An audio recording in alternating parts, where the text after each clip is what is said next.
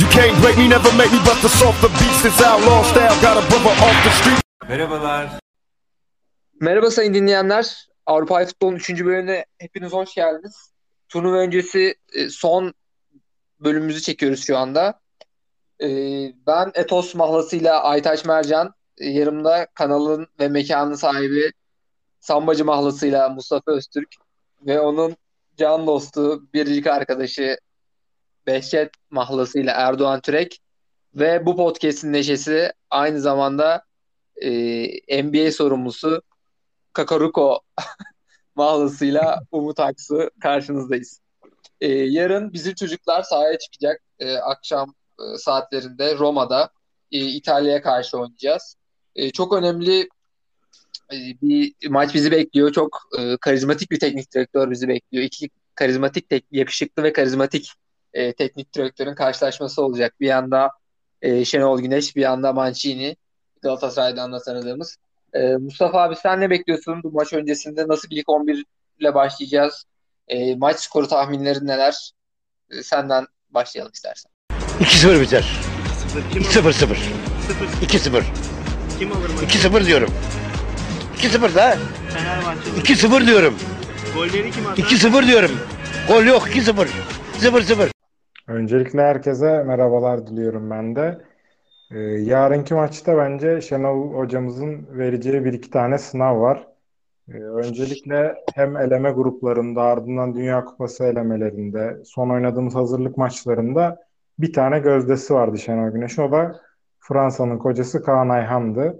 Ee, Kaan Ayhan'ı oynatmak isteyecek bence ama işte stoper tandemine mi koyacak, sağ beke mi koyacak, yani Okay'ı keser mi ya da farklı bir kurguda iki ön libero mu oynatır? Çok fazla soru işareti var benim kafamda. Birincisi bu. İkincisi de şimdi İtalya'nın kanatları, kanat beklerinin zayıf olduğunu biliyoruz. Spinazzola ve e, diğer sağ kanatta da Florenzi var. Ya bizim kanattan etkili bir oyun kurma şansımız var. Oradaki kanat tercihleri. Çünkü orta sahadaki iki isim Okay ve Ozan'ı yazdığımızda üçüncü isim bir muallak oluyor. Hakan'ı mı koy, Yusuf'u mu koy, onu mu sağa at, bunu mu sola at? İşte Kenan Karaman'a da biliyorsunuz hastadır hocamız. Onu illa oynatacaktır pres yapması için defansta oyun kuran İtalya'ya karşı. Ben kanat kombinasyonunu merak ediyorum ve Cengiz Ünder'e de dikkat çekilmesi gerektiğini düşünüyorum açıkçası. Skor tahminime gelecek olursak da e, ben çok gollü bir maç beklemiyorum açıkçası. Hani biz zaten tempoyu düşürmeye çalışacağız. İtalyanlar da geride sakin kalmaya çalışacaktır. Yani 1-0, 1-1 gibi bir e, skor bekliyorum. Türkiye de e, yenebilir, İtalya da yenebilir. E, o yüzden e, merakla bekliyorum açıkçası. E, Erdoğan abi sen ne diyorsun diğer otorite? Ee, Ben de herkese merhaba dileyerek başlayayım. Ee, Ben yarınki maç için valla yalan değil korkuyorum. Ee, Bayağı tedirginim, bayağı çekimserim. Ee, Ben de Mustafa'ya bir yönden katılıyorum, bir yönden katılmıyorum abi. Şöyle bence e, üçlü orta sahayla çıkacak Şenol Güneş. Ee, Burada Okay, Ozan Tufan ve İrfan Can Kahveci'yi kullanacağını düşünüyorum.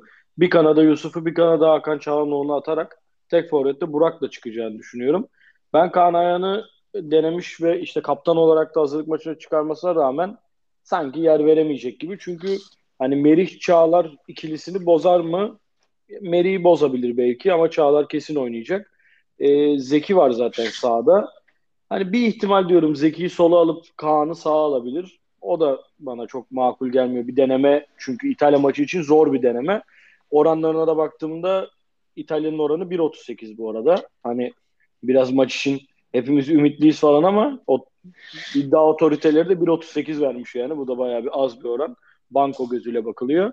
Ee, ben burada şu isme dikkat çekmek istiyorum abi. Ee, İrfan Can Kahveci. Aralık ayında Şampiyonlar Ligi'nde hat-trick yapan bir orta sahadan bahsediyoruz. Ee, Ocak ayında alamayan Mustafa Cengiz'in de ne hallere düştüğünü hepimiz görüyoruz. Ee, ben İrfan Can Kahveci'nin kesinlikle ve kesinlikle turnuvada 3 maçta da 90 dakika boyunca oynaması gerektiğini düşünüyorum. Burada Şenol Güneş'in e, Verratti varmış gibi bir plan yapması mı peki e, gerekmekte sizce? Yani bunu hem Mustafa hem Erdoğan'a soruyorum aslında. E, yoksa yani Verratti yokmuş gibi kendi futbolumuzu mu oynamalıyız? İtalya'nın oynayacağı futbola göre mi bir hazırlık yapmalıyız? Yani bu konuda e, teknik bir yorum yapabilir misiniz? Mustafa e, senin fikirlerini merak ediyorum öncelikle. Yani bizim zaten oyun planımız e, mevcut oyun planımız doğru oynadığımızda çok ters düşmez. Yani İtalya'yı da yenebilecek bir oyun planımız var. Çünkü İtalya'da muazzam hücum yapan böyle yaldır yaldır full hücumu düşünen bir takım değil. Biz de geride sağlam durabilen bir takımız. Normal işte Erdoğan'ın bahsettiği bu üçlü orta saha e, varyasyonuyla ama ben Erdoğan'a şöyle bir şey demek istiyorum. E, Nicola Barella böyle espresso içirtmesin aman İrfan Can kahveciye. Orada yaşamayalım. Ya benim düşüncem ya Erdoğan'a şu açıdan katılıyorum. Hani Okay ve Ozan Banko olmalı. Ama işte o üçüncü isim çok e, şüpheli bende. Yani İrfan olursa bir tık belki zayıf kalıp domine olabiliriz orta sahada. E, tek şüphem o. Ama Immobile'yi mesela bence e, Çağlar gayet e, nötral edecek, nötralize edecek gibi e, düşünüyorum. Yani illaki farklı çalışmaları vardır e, Şenol Güneş'in de. Belki duran topların üstüne gitmiş olabilir. Stoper ikililerimiz uzun. Okay gibi uzun bir oyuncumuz var. E, oynarsa Kaan Ayhan, Burak Yılmaz belki duran toplardan hani belli fırsatlar arayabiliriz ilk yarıda. Bir gol attığımızda çünkü İtalya'yı da farklı bir oyuna iteceğiz. Orada da bulduğumuz açıklarla etkili olabiliriz. Burak Yılmaz hala yaşına rağmen iyi koşular atabiliyor defansın arkasına. Mesela böyle bir durumda İrfan Can Kahveci bence çok güzel olur öne geçtiğimizde. O yüzden belki sonradan alabilir diye düşünüyorum ben. Erdoğan abi. Ya Verratti'nin olmaması zaten bizim adımıza büyük bir şans ama bu da tabii iştahlandırır İtalya'daki diğer orta sahaları. Orta saha kurguları bence e, Jorginho, Barella, Locatelli olacak onların da. E, benim saydığım üçlü bu üçlüyle bir çatışır yani. Hani bastırır mı bilmiyorum ama bir çatışır. E, benim burada asıl yapmaya çalışacağım şey şu olacak. Ya bir kanada Kenan Karaman, diğer kanada Cengiz Ünder atıp hani kanatlı bir oyun oynamak biraz riskli Türkiye için gibi geliyor bana. Çünkü sırtına bindiğin iki kanadın performansları tartışılır. Yani hani Cengiz'in de bu sene sezonki performansı tartışılır. Ya o yüzden en azından Yusuf Burak ikilisi bir de Hakan Çağlanoğlu gibi bir faktörle beraber böyle sahte forvet ya da işte e, ofansif orta saha, ofansif oyun kurucu rolleriyle iki tane on numarayı koymak, arkadan da üçlü orta saha, pas yapan orta sahayla desteklemek sanki bizim oyun planımıza daha uyacak gibi geliyor. Ee, İtalya'nın yanı sıra Galler ve İsviçre e, hakkında da aslında ben e, fikirlerinizi merak ediyorum. E, çok da konuyu uzatmadan Mustafa'dan e, Galler ile ilgili bir cümle, e, Erdoğan'dan da İsviçre ile ilgili e, bir cümle istiyorum. Abi Galler'in e, şöyle bir sıkıntısı var. Biliyorsunuz Rangix belli suçlamalar altında ve yardımcısı Rob Page başında olacak takımın. E, yani aynı oyun düzenini güdeceklerdir. İşte 3 stoper gibi bazen dörtlüye de döndükleri. E, stoperde Joe Rodon var. Geçtiğimiz sezon Tottenham'da güzel süreler alan. işte Liverpool'un genç oyuncusu Neco Williams var. Yani dinamik oyuncuları, iş yapabilecek yetenekli oyuncuları var.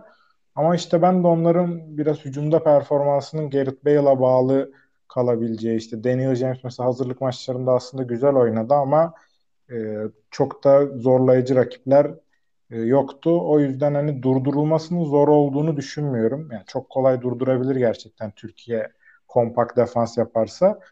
E, yani Galler'i bizim altımızda görüyorum açıkçası ama en iyi üçüncüler arasına girip muhtemelen ilerleyen turları da görürler. Euro 2016'da yaptıkları e, sürprizi belki bir yere kadar götürürler. Peri masal devam edebilir diyorsun yani.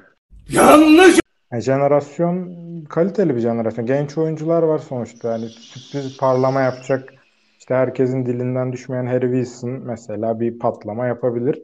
Ben bir de hazırlık maçlarını izlerken kaleciyi çok beğendim. Danny Ward. Leicester'ın ikinci kalecisi. Bu sene çok az oynamış ama çok güzel kurtarışları vardı. O kıta seviyor yani. Birleşik Krallık güzel kaleciler çıkarıyor. Erdoğan e, senden de aynı şekilde bir İsviçre ile alakalı kısa bir değerlendirme bekliyorum. Hemen Mustafa'nın anlattığı o güzel gallerin tekerinin patladığını düşünüyorum ben. Bu gallerden bir yol olmaz bu turnuva.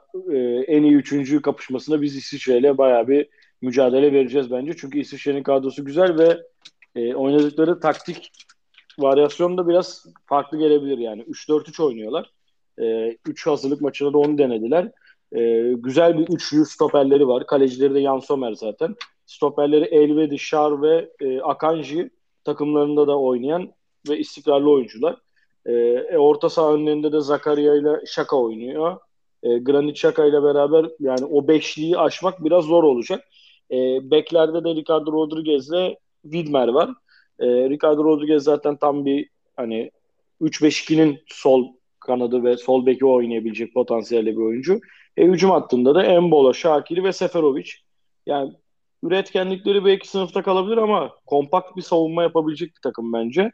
İsviçre'nin zaten herkes biliyor. Daha önceki turnuvalarda da ilerledikleri hep 0-0, 1-1, 1-0, penaltılar, hadi ittir, hadi kaktır hep böyle bir takım oldular.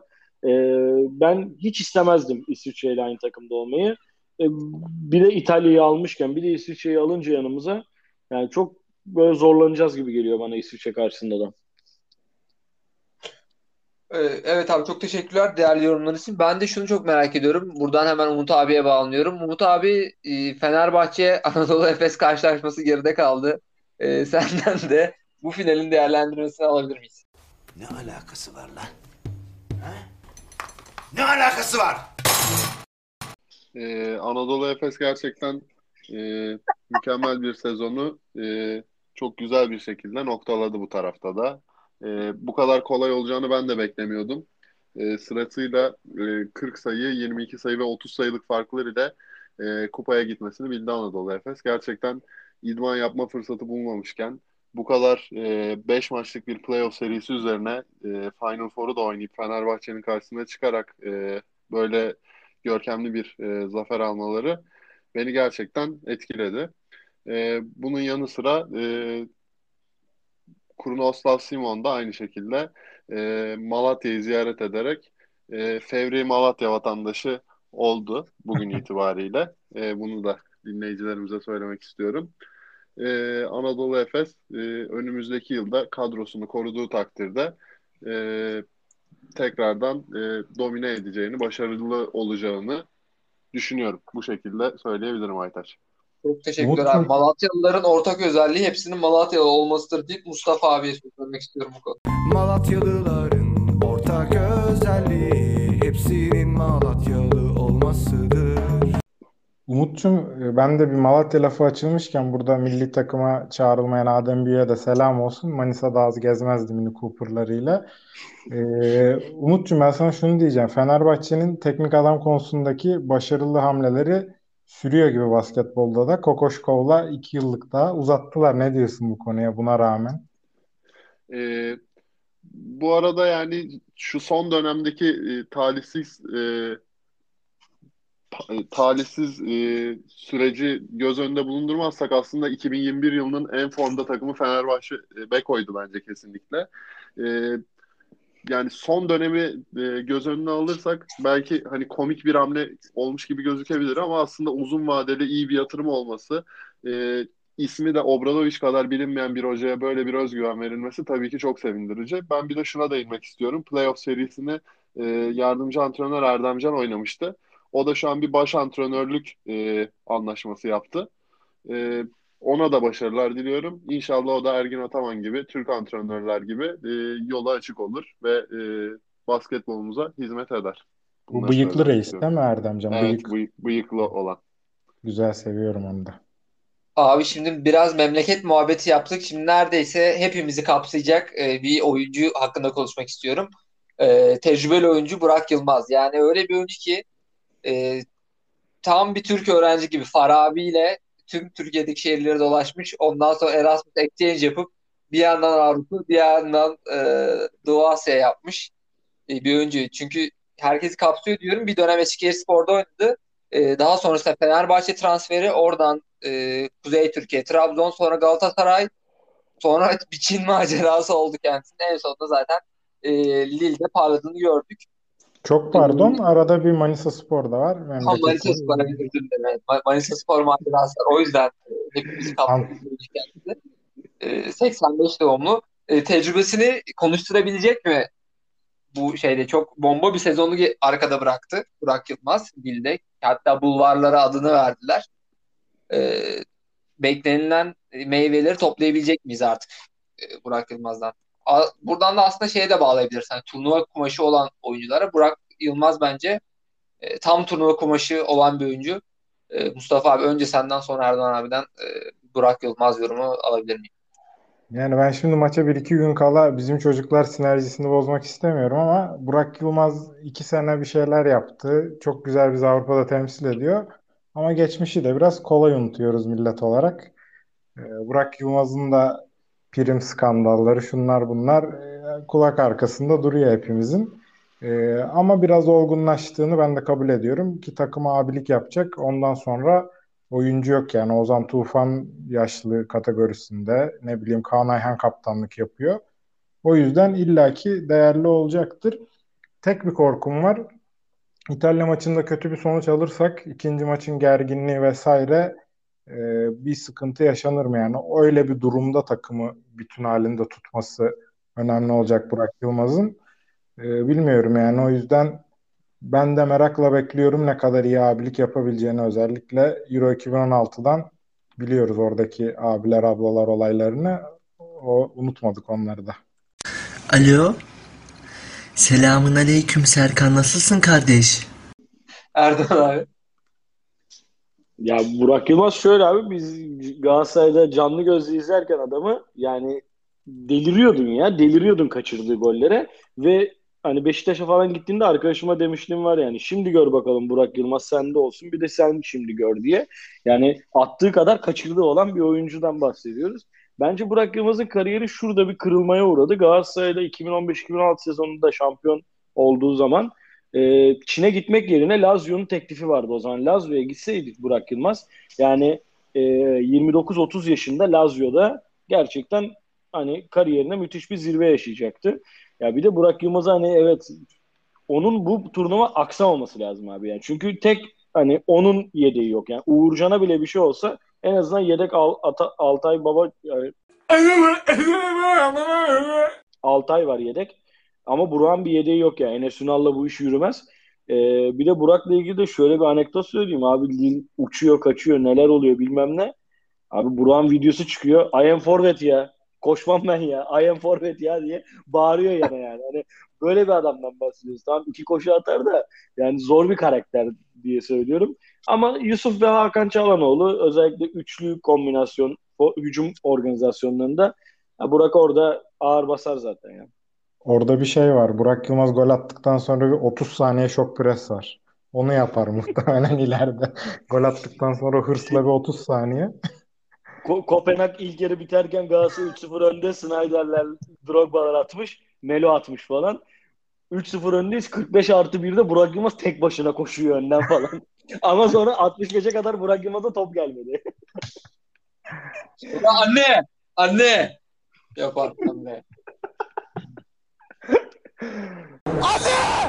Ee, şimdi Umut abi sana da bir e, soru sormak istiyorum. Şimdi abi Titanik'teyiz ve iki kişilik yer var. Gemi batıyor ve üç kişisiniz. Sen, Ergin Ataman ve Kokoşkov.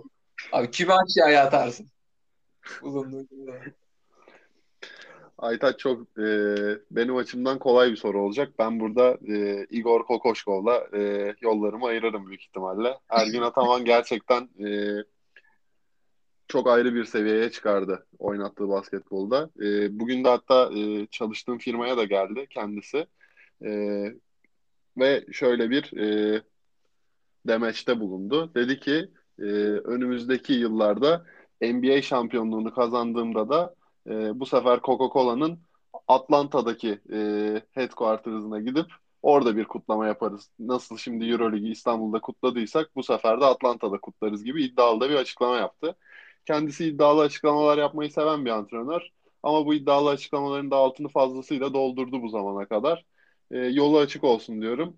E, burada kesinlikle e, Fenerbahçe Beko'ya da e, bir çamur atmak gibi bir düşüncem yok. Sadece birazcık Türk antrenörlerin de e, yükselmesini destekliyorum. Çünkü gerçekten çok başarılı oyuncularımız var. Fakat antrenör tarafında bu kadar e, ön plana çıkan isim çok olmadı. Yani geçtiğimiz 30 yıla baksak Aydın Öz sonra Ergin Ataman. Hani belki Oktay Mahmudi'yi söyleriz arada. O yüzden Ergin Ataman ile e, Titanic seyahatine devam ederim Aytaç büyük ihtimalle. Zaten Mustafa gemide, ben gemideki Ha. Fenerbahçe sevgisi azalmıyor zaten. Yani Ergin Ataman da Fener'i çok seviyor. Fener'in kocası boşuna demiyorlar. O yüzden çok bir kaybı olmaz Titanic'in. Abi şimdi bir de şöyle bir şey var. Şimdi evet Titanic batıyor ama şimdi filmi e, izleyen dinleyicilerimiz bilir arkada da insanlar çalmaya devam ediyor. Şimdi şu an Euro 2020 öncesinde de böyle e, arkada müzisyenler çalmaya devam ediyor. Kıraç, APO. E, hani bu tarz e, insanlar e, gemide çalmaya devam ediyor arkada gemi batarken. Abi şimdi e, ne düşünüyorsunuz bu konuda Mustafa abi? E, çıkan yeni parçalar hakkında. Lan kıraç! Gemiden birini atacaksak hemen APO'yu atalım hemen aşağı. Ya hani e, çok gündem oldu bu konu. Bizim önceki turnuva şarkılarımız gerçekten hani dillere pelesenk oldu diyebiliriz. Hala aklımızda işte bir oluruz yolundalar, pazara kadar değil mezara kadarlar. E, ya tabii o etkiyi beklememesi lazım insanların ama bir bütünleştirici bir yanını da göremedim. Ya pop parçası gibi olmuş. Artık Eurovision'a katılmıyoruz diye uzun süredir herhalde bir içinde insanların istek varmış. Ondan yapılmış bir şarkı gibi geldi bana. Çok bir e, anlam yükleyemedim ben açıkçası. Kıraç da sorumluluk almış. Ya, kendi hür iradesiyle. Kendi yorumunu katmış. Ona da saygı duyuyorum da biraz e, elma armut ne alaka yani olaylar. E, Ben hemen şöyle Erdoğan e, abiye bir soru yöneltmek istiyorum. Abi şimdi yine böyle me- metafor yapıyoruz ya. Şimdi bir odadayız. E, Kıraç, Mustafa Sandal da yapıyor ve sen aynı odasınız. E, senin elinde bir silah var ve iki tane mermi var. E, bu mermileri nasıl kullanırsın abi? Ee, toprak hiç para eder mi derim. Kıracı zaten Lan Kıraç! Lan orada bir zaten yok ederim abi. Sonra ikisini de Mustafa Sandal'la İPO'ya sıkarım. Tek başıma kalırım odada. Çünkü ya gerçekten rezalet şarkılar. Ya bir de ben şunu anlamadım. Müzikle aram yok da yani en azından çalma yeteneğine sahip değilim ama abi mantıken nakaratı söylenebilir bir şey yapman lazım. Onun üstüne de bir şarkı inşa etmen lazım. Başlangıç noktanın bu olması lazım. Abi nakaratı şarkıyı dinlesen nakaratın nerede olduğunu anlayamıyorsun yani. Öyle bir şarkı yapmışlar. Ki Mustafa Sandal'ın Derya Ulu'ya karşı böyle bir e, nasıl diyeyim ce- cazibeli erkek tavrına girip de böyle bir, bir iki hareketi falan çok irite. Yani bayağı cringe hissediyorsun. Kıraç zaten Mehmetçikler, siz Mehmetçiksiniz falan filan. Hani mod da çok değişik o tarafta. O biraz siyasal İslam kafasına da girmiş bir şarkı. Ya bence ben çok güzel bir tweet okumuştum. Bunu yapılabilir. Mansur Arkın maalesef şarkısının sözleri değiştirerek her dört yılda bir millete söylenebilir. Yani zaten Türkiye'nin yarısı Çeşme'de e, üstü açık meyhanelerde söylediği için bence herkes söyler bu şarkıyı. Hatta araya featuring Benfero'da hecelesin abi. Bu dillerde bu şarkı. Mansur Arkın, 7'den Benfero. 70 abi. Barış Manço kafası 7'den 70 herkes söylesin şarkıyı. Vallahi abi toprak hiç para etmiyor. Şimdi vallahi bak toprak toprak dedik öyle bir yere bağlıyoruz ki. Şimdi abi e, arkada muhabbet olurken ben de Twitter'da takılıyorum. E, hashtag bahçeme ceza yazma e, trend topikte şu an. E, vallahi. Abi şimdi e, gün gelmiyor ki e, toprak para etsin. E, şimdi bahçeme ceza yazmanın olayı şuymuş. İnsanlar kendi böyle tarlaları vesaire var böyle hektarlarca. Oraları böyle e, küçük kulübeler yapıp oraları hobi bahçelerine çeviriyor. Biliyorsunuz bizim eski yerde bizim köye giderken de var bir tane hobi bahçesi. Artık devlet ve zabıta e, bu bahçelere ceza yazmaya başlamış. Ruhsatları vesaire olmadığı için. E, ne diyorsunuz? İnsanlar mesela şu anda çok e, bunalmış durumdalar. İşte hobi bahçelerine e, talep çok arttı. E, işte toprakta hani böyle kendi şeyine biberini, domatesini yetiştiriyor insanlar. Toprakta elektriklerini atıyorlar. İşte kendileri kadar damıtıyorlar. Kendilerine kadar damıtıyorlar. Ee, ne düşünüyorsunuz abi? Yani hobi bahçelerine ceza yazılmalı mı? Yazılmamalı mı? Abi zabıtanın ne ara görev alanı o kadar genişledi bahçelere mahçelere. Bizim bildiğimiz seyyar satıcı kovalıyorlardı. 2000'lerin başında zabıtalar. Seyyar satıcıların işte böyle tezgahların devirmece falan işte Yeşilçam'da. Ee, Valla bence bahçelere de evet dokunmasınlar. Buradan da bu hashtag'i açan şeylere, e, hobi sever, hobi bahçesi severlere çok selamlar. Kendilerini destekliyoruz. Abi şimdi bahçe bahçe demişken e, her futbol takımının arka bahçesi böyle bir şeyler yetiştirdiği e, bir U19 takımı, e, alt takımı vardır. E, İspanya'nın da alt takımı, U17 takımı bu sezonki bu Euro 2020'ye e, bir şey yapacak. E, damga vuracak gibi. E, Covid vakaları nedeniyle Mustafa abi sen bu konuda çok şey yazıp çizdin son dönemlerde. Neden durum buraya geldi? U17 takımı ne yapacak? E, İspanya'nın bahçesine, e, Obi bahçesine ceza yazacaklar mı? Abi durum şimdi şöyle e, yani Luis Enrique takıma geri döndü. Başını beladan kaldıramıyor şu an. Bir gün kaldı, iki gün kaldı. Oyuncular aşı olmaya falan başlamış. Bunun sebebi de e, önce Sergio Busquets sonra Llorente'de e, koronavirüs pozitif olmalarından dolayı bir takım ambulanslarla vesaireyle izole edildi bütün takım. E, Litvanya ile de maçları vardı iki gün sonra. Ne yapalım ne edelim? E, U21 takımı bu arada hiç de e, azımsanmayacak güçte bir takım bence. Kendi seviyelerine göre. Litvanya ile hazırlık maçına çıktı. 4 attılar. E, izlerseniz golleri de gerçekten çok güzel. Çok yetenekli futbolcular var. Kaptan da Cucurella Barcelona çıkışlı. E, Osasuna'da oynuyor. Çok güzel e, bir şey verdiler aslında. Yani ülkeye bir umut verdiler diyebiliriz. Hani biz buradayız. Abilerin sıkıntısı varsa biz hallederiz. Hemen Luis Enrique de 12 tane yanlış hatırlamıyorsam rezerv oyuncu çağırdı. Onlar da e, takımdan ayrı çalışıyorlar. Ne olur ne olmaz kim pozitif kalır kim negatif çıkar. Orada büyük bir kaos hakim ama şimdi yapılan aşı iki haftaya mı çare oluyor? Ne zaman ikinci doz olacaklar vesaire. E, biraz zor bir durum onları bekliyor açıkçası. Luis Enrique'ye kolay gelsin diyelim. Erdoğan abi? E, aşı mevzusunda ben bir iki kelam etmek istiyorum. Abi şimdi aşı oldu adamlar da yani Amerika'da bile 4 hafta sonra oluyorlar aşıyı. Ya ikinci dozu. Hani birinci doz BioNTech'lerin %79, %80 koruduğu söyleniyor ama ya biraz geç kalındı gibi geliyor bana. Yani turnuvada şimdi bütün dünya aşılanırken artık NBA'de tribünlerde bile insanlar maske takmayacak düzeye gelmişken hani sonuçta bu işin bir çözümü oldu ve bu çözüm en azından deneniyor ve başarılı da olmuş gözüküyor şu anki şartlarda. Bence oyuncuların aşılanması gerekiyordu.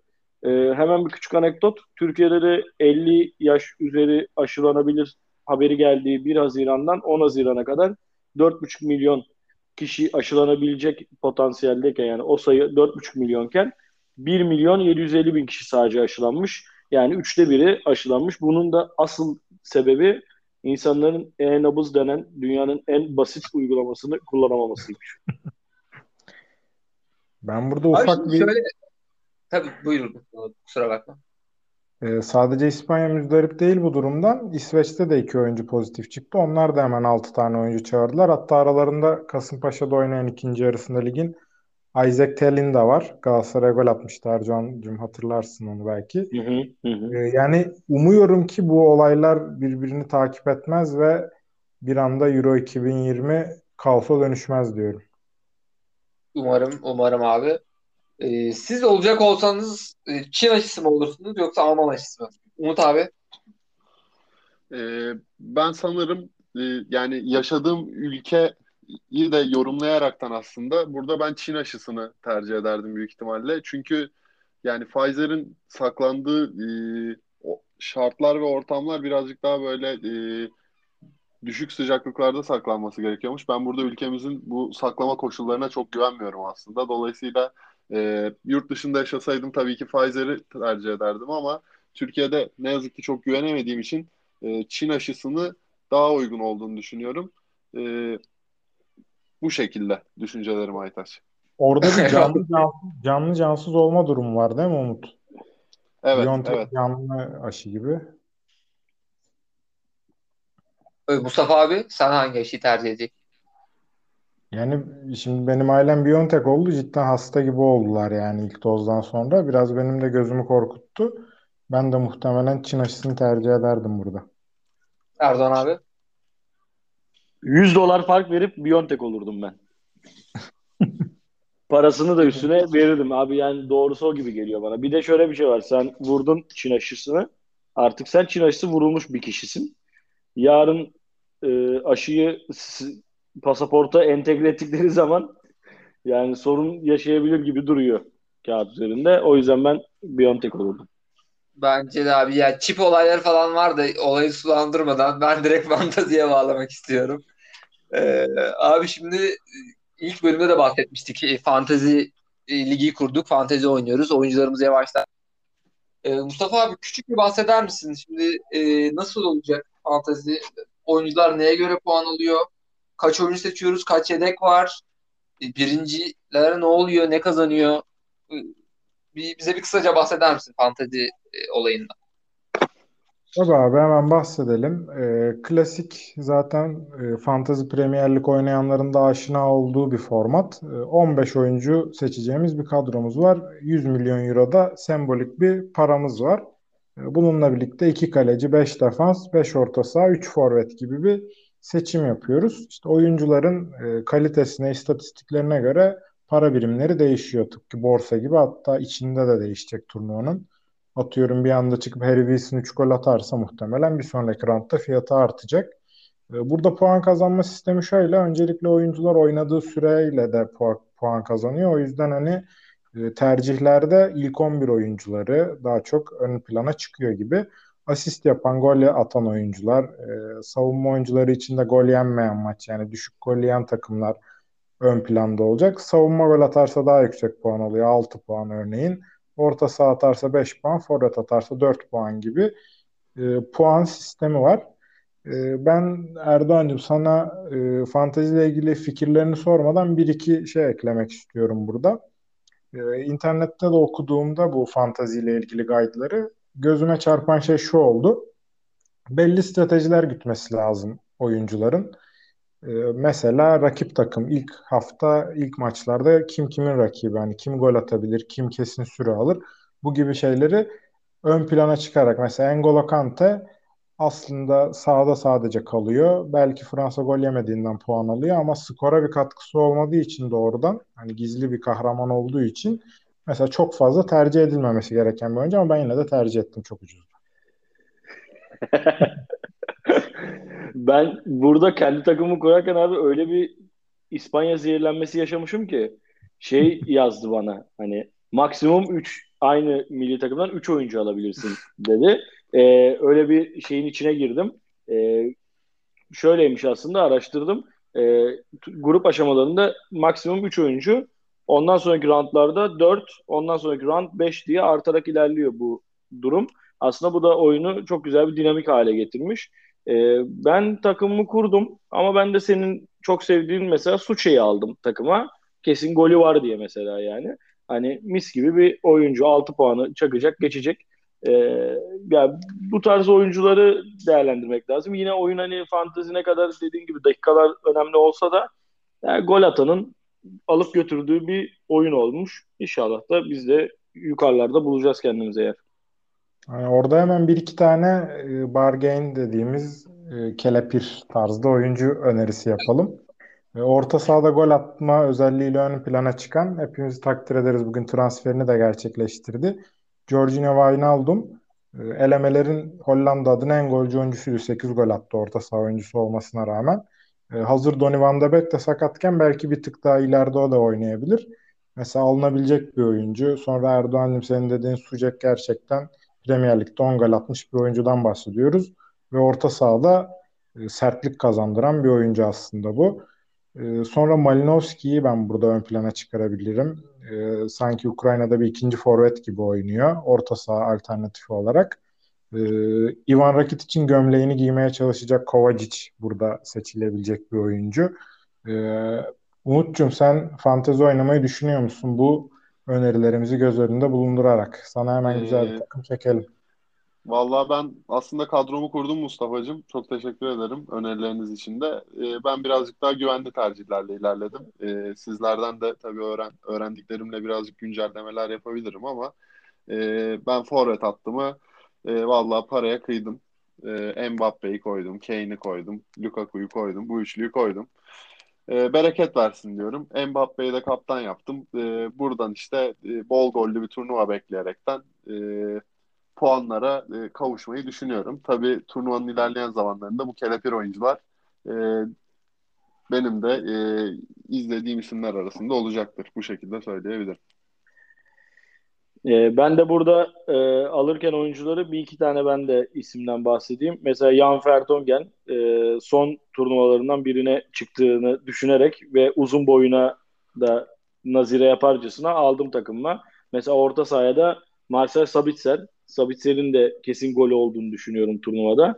E, bir de ben e, Kaan Ayan'ı da aldım Mustafa'cığım. Sana da bir Şenol Hocam'dan sanki inside bilgi almışız gibi Kaan Ayan gü- güzelliyoruz burada ama Yarın yedek olmaz inşallah. Sabitzer bu arada harika olmuş. Kesin bir tane gol azosu var Sabitzer'in turnuvada. Golazo. En son iki önceki hazırlık maçında 9 tane falan uzaktan şut çekti. İstiyor bir şeyler. Ee, bir de şu ismi de söylemek istiyorum. Gerard Moreno. Bak, bakın bakalım turnuvanın gol kralı olmasın diyorum bu oğlan için. 29 yaşında. Bizden 2-3 yaş büyük. Ee, çok güzel bir sezon geçiriyor. İspanya'da da çok güzel golü sırtlayacak gibi duruyor. Gerard Moreno. Abi ben de çok e, kısa bahsedeyim kendi kadromdan. E, Lewandowski'yi aldım. Genelde şey seçmeye çalıştım. Küçük ülkelerin e, yıldız oyuncuları. Çünkü yük e, onların üzerine binecek. E, o şekilde bir şey yapmaya çalıştım. E, kaptan e, Lewandowski, e, sağda Burak Yılmaz, solda ben de Mbappe paraya kıyıp e, aldım abi oyuncuları. E, ondan sonra e, kaleye de Macaristan'dan Silva'yı koydum. E, sonra yine bir Çağlar Söyüncü hemen onun önüne. Yani bakalım. Pardon Macaristan'dan değil. E, Silva'nın rakibi Macaristan olacak. Bakalım Luka Modric çeyrekte bekliyor Eden Hazard'la beraber. Her an e, puan kazandırmaya hazır iki silahım. E, bakalım abi göreceğiz bu hafta kim kazanacak bu ekipten. Abi istiyorsanız yavaş yavaş programın sonuna geliyorken e, bu hafta e, hazırlık maçlarını izledik. E, haftanın golünü e, alalım Mustafa abiden. Mustafa abi senin için haftanın golü e, ne oldu? Kim attı haftanın golü? Valla haftanın golünü aslında hazırlık maçlarından değil bence. O Ses Türkiye Rap'in jüri koltuğundan APO attı. Tekrar kendini gündeme getirdi bu parçayla bence. Ee, güzel bir featuring bekliyoruz Yener Çevik'le ondan. bence haftanın golü APO'dan geldi. Abi çok teşekkürler için. Erdoğan abi. Ben de bu haftanın e, golüne hatta çizgi geçmeyen golü vardan dönen bir golden bahsetmek istiyorum. E, Fenerbahçe Fonseca ile anlaştı anlaşıyor diye çıkan haberlerin sonucunda Tottenham Fonseca'yı alarak Galatasaraylı ve Beşiktaş taraftarları memnun etti. Fonseca'nın Fenerbahçe'ye gelmesini hiçbir şekilde, hiçbir durumda istemiyordum. Umarım e, Ali Koç'un bu vizyoner konuşmalarının sonunda saçma sapan Vitor Pereira tarzı bir hocayı alır hepimize rahat ederiz. Erdoğan'cığım çok güzel bir konu açtın. Bir, bir kelam daha etme ihtiyacı hissettim orada. E, seninle de bu hafta hiç konuştuk. Arka odalarda, gaz odalarında bazı şeyler konuşuluyor. Aykut Kocaman Fener'e, Emre Belözoğlu Başakşehir'e. e, bu da bu da herkesin e, gözleri üzerinde olsun. Her an bir şey olabilir. Ben hatta Emre Belözoğlu'nun Inter'e yazıldığını duyuyorum. Antrenör olarak olsa bile Inter evladına sahip çıkar gibi yorumlarla görüyorum bunu hem de. Şaşkınlıkla izleyeceğiz bakalım Fenerbahçe'nin teknik direktörlüğünü. Biri e, eğer oyuncusuna sahip çıksaydı bunu Blackburn Rovers Tugay Kerimoğlu'nu yapardı. Adam Şanlıurfa Spor'u çalıştırdı abi ya. Böyle bir şey olabilir mi? Blackburn Rovers efsanesi olup Şanlıurfa Spor'da çalıştırmazsın ya. Hayır ama Tugay Kerimoğlu'nun şöyle bir felsefesi vardı. Türk bayrağının dalgalandığı her yer benim için vatan toprağıdır diye gitti Urfa'yı çalıştırdı. Kamu görevlisi gibi. Helal olsun Tugay Kerimoğlu. Ergün Pembe de Tarsus İdman Yurdu'nda onu da analım burada. Sol bekte hazır bir açık varken Ergün Pembe demeden geçmeyelim. Ee, o zaman abi yavaş yavaş haftanın gollerini de sizden aldıktan sonra yavaş yavaş programın sonuna gelelim. Ee, sayın dinleyiciler, Avrupa Futbol'un 3. bölümünde bizimle olduğunuz için çok teşekkürler. Sonraki bölümlerde ligin başladığı dönemde görüşmek üzere. Kendinize iyi bakın. Hoşçakalın.